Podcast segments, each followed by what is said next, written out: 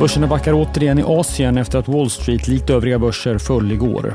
Idag fokuserar vi på den amerikanska jobbrapporten. Kan det bli en stark siffra efter ADP-siffran igår? Och vad ska i så fall Fed göra framåt? Frågor vi söker svar på senare i eftermiddag.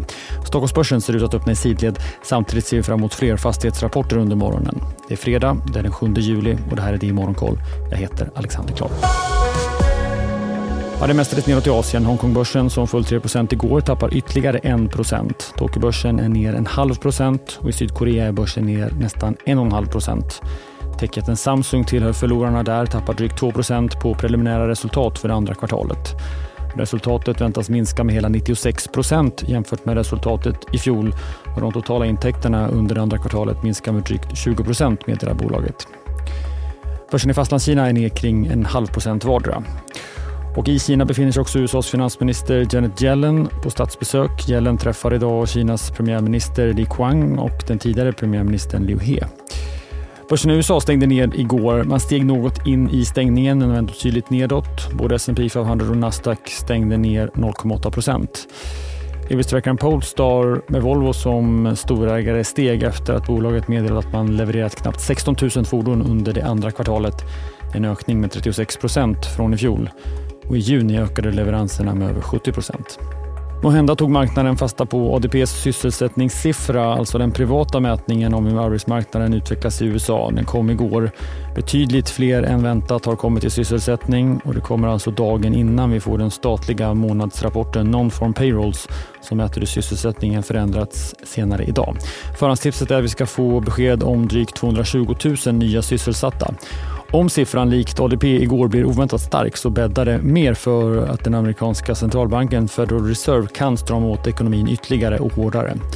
Vi fick ju räntemötesprotokollet tidigare i veckan som talade om att ledamöterna ser behovet av att strama åt mer samtidigt som man säger att man är mer lyhörd för datan man får. Vi får också annan data idag från svenskt håll, BNP-indikator för maj och orderingången för industrin. Bland övriga svenska nyheter den här morgonen så har BioArctic fått ett fullständigt godkännande för sitt läkemedel för Alzheimers av den amerikanska läkemedelsmyndigheten FDA. Preparatet kan göras tillgängligt för amerikanska patienter. Clas Ohlson släppte precis försäljningssiffror för juni. Den totala försäljningen steg mer än väntat, upp 5% Försäljningen i lokalvaluta var upp något mer. Onlineförsäljningen steg bara 2% bara för att förväntan låg på en ökning med drygt 10 Verkstadsunderleverantören Bulten köper en asiatisk distributör av fästelement och andra komponenter för drygt en halv miljard kronor. Bolaget som har sitt säte i Singapore gör att Bulten växer sin kundgrupp något utanför huvudfokuset som är fordonsindustrin. Och förvärvet väntas ha en positiv effekt på resultat och vinst per aktie, säger bolaget. Svenska bostadspriser fortsätter att stiga. I juni steg priserna på villor i Sverige med 1% visar ny data från Svensk Mäklarstatistik. Samtidigt var priserna på bostadsrätter oförändrade och i Storstockholm backade priserna något. Fortsatt är det få affärer på bostadsmarknaden och under årets första halvår minskade antalet affärer med ungefär 20% jämfört med 2022. Vi har precis fått en rapport. Fastighetsbolaget Diös ökade hyresintäkterna under det andra kvartalet till drygt 570 miljoner kronor. Driftöverskottet ökade också medan förvaltningsresultatet minskade med knappt 30% och landade på 219 miljoner kronor. Jag skrev också ner värdet på fastigheterna med 117 miljoner kronor. VD Knut Rost intervjuas i DTV 10 minuter i 8.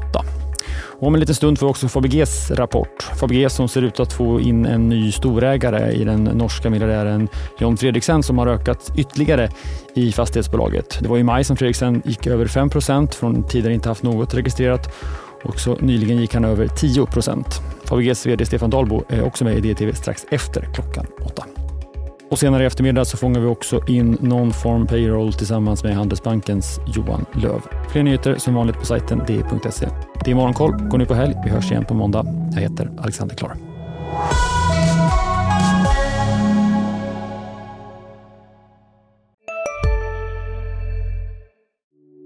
Hej, Ulf Kristersson här. På många sätt är det en mörk tid vi lever i. Men nu tar vi ett stort steg för att göra Sverige till en tryggare och säkrare plats. Sverige är nu medlem i Nato. En för alla, alla för en. Expressen gör varje vecka podden Politikrummet där vi djupdyker i det senaste och viktigaste inom svensk politik. Med mig, Filippa Rogvall, som programledare tillsammans med mina vassa kollegor. Och det är ju ni som heter Thomas Nordenskjöld, Anette Holmqvist och Viktor Bartkron. Politikrummet kommer med ett nytt avsnitt varje tisdag. Vi hörs.